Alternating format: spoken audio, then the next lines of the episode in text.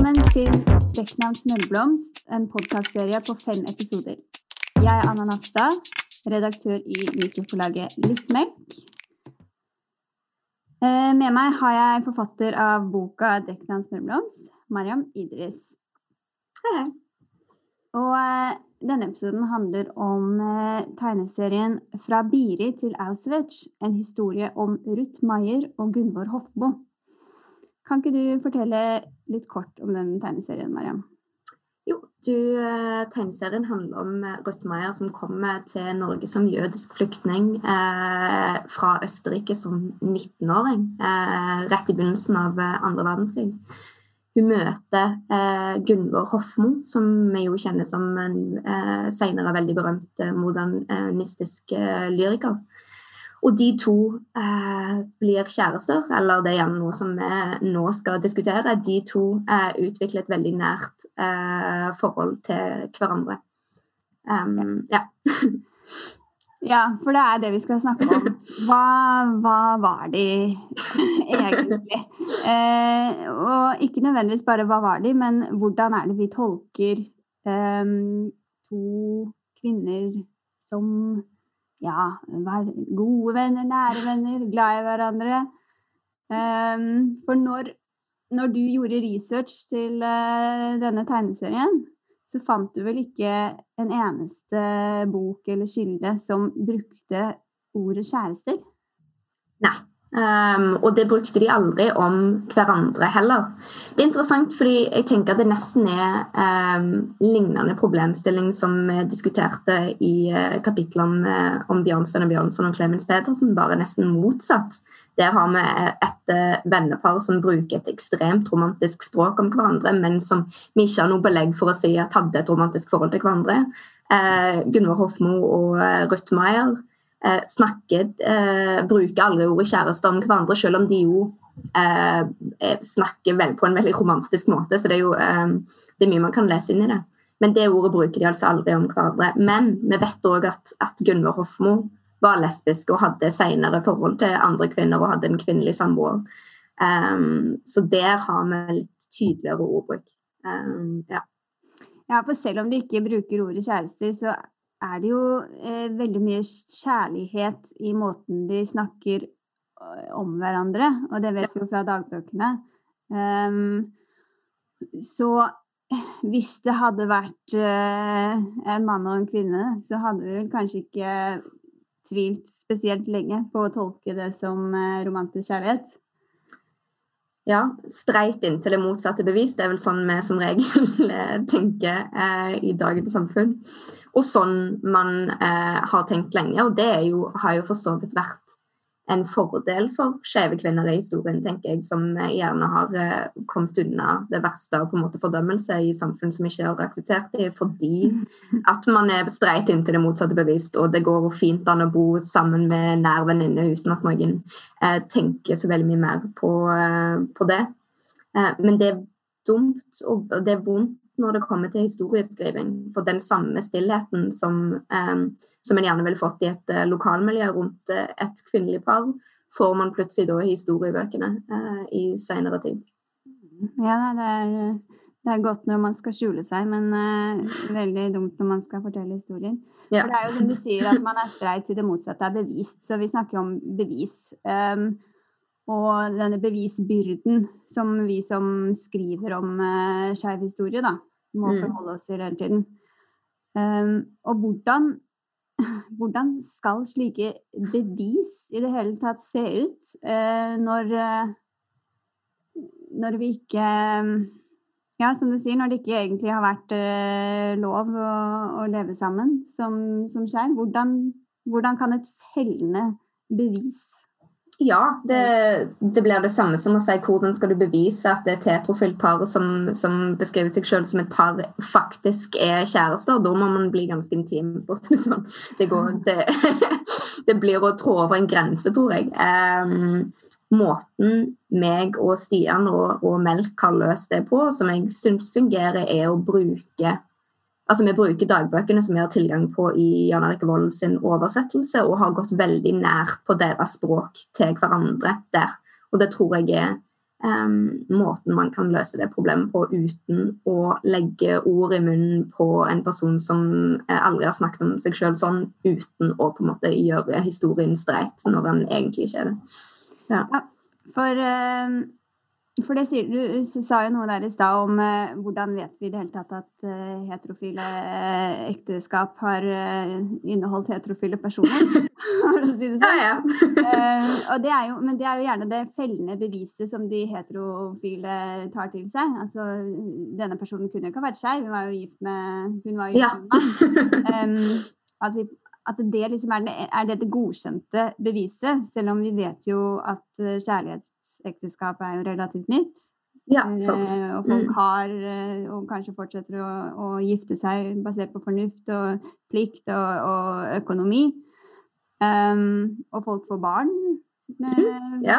ikke nødvendigvis har en seksuell tenning til. Det er viktig for eh, mange å få barn, eh, og det er viktig for mange å ha økonomisk trygghet. Altså, det er mange grunner for å gifte seg eh, som skeiv med en person av det motsatte kjønn, for å si det sånn. Ja, for hvis det på en måte skal være det at man lever i likekjønnede relasjoner og ekteskap, så fins det jo knapt skeive folk før partnerskapsloven ja. Um, det er helt sant, og det, det, er vel gjerne sånn man har tenkt på det. Jeg, jeg, vet ikke, Men det er jo ikke sånn man kan skrive historie, tenker jeg.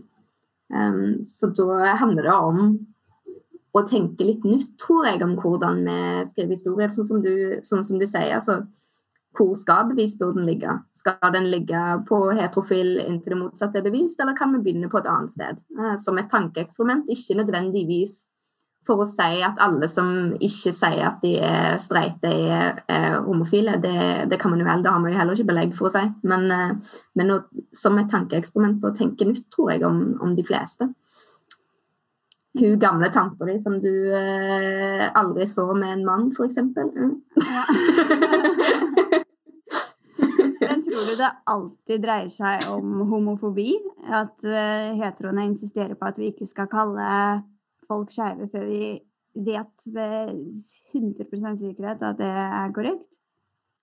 Det kommer jo delvis, tror jeg, av at det blir sett på som skammelig, at man skal være grei og ikke si noe sånt om noen fordi at det kan bli sett på som stygt. Det tror jeg det delvis kan komme av. Ellers så tror jeg at mennesker liker å anta ting. altså Vi er veldig flinke til å sette folk i bås veldig kjapt og det er enkelt og greit. Eh, og, og gjør verden mer og mer komplisert, sånn som, sånn som man nå etter hvert blir. Som jo er bra fordi det er plass til mer, flere typer mennesker. Men det blir vanskeligere å, å sette folk i bås. da. Ja, for jeg tenkte, Siden du ikke fant uh, en eneste kilde som uh, ville si noe sikrere om disse to kvinnene enn at de var nære og glade i hverandre, eller andre mm. ja, litt, litt, sånn tåkete språk, Eh, og kildene du fant, var jo også eh, av skeive forfattere, blant annet. Mm. Um, så det må jo Eller det må jo ikke, det fins jo internalisert homofobi, selvfølgelig, da, men hvis vi mm. ikke Hvis vi tenker at det ikke alltid er ja. Hva er vi Hvorfor er vi så forsiktige? Altså hva tror det handler om, i alle fall fra skeive kilder, men òg antageligvis fra heterofile, um, så tror jeg òg det handler om ikke ville legge ord i munnen på noen. Og det tror jeg er viktig. Um, jeg skriver som en person fra i dag, og jeg leser som en person fra i dag, og har skrevet denne boken til en moderne leser, selvfølgelig, ikke en leser fra 40-tallet. Men Altså, man må jo selvfølgelig se på kildene som, og at de kommer fra den tiden de kommer fra. Men jeg kommer aldri til å skrive meg sjøl som en forfatter fra en annen tid, hvis du skjønner. Så da må vi lese um, Da må vi lese dagbøkene til Ruth Maier, f.eks. I den forståelse at hun gjerne skriver annerledes om skeiv kjærlighet enn jeg ville skrevet om skeiv kjærlighet i, i dag. Mm. Altså, jeg har, en, jeg har, en, sånn greie om at uh, jeg driver og googler uh, historiske folk, forfattere, hva som helst, um, for å prøve å finne ut om de har vært skeive. Ja. det er sånn standard Google-søk hos meg. Et eller annet navn, og så gay, queer, bi Og så prøver jeg å finne Når er det jeg begynner å mistenke at denne personen oh, ja, sikkert skeiv.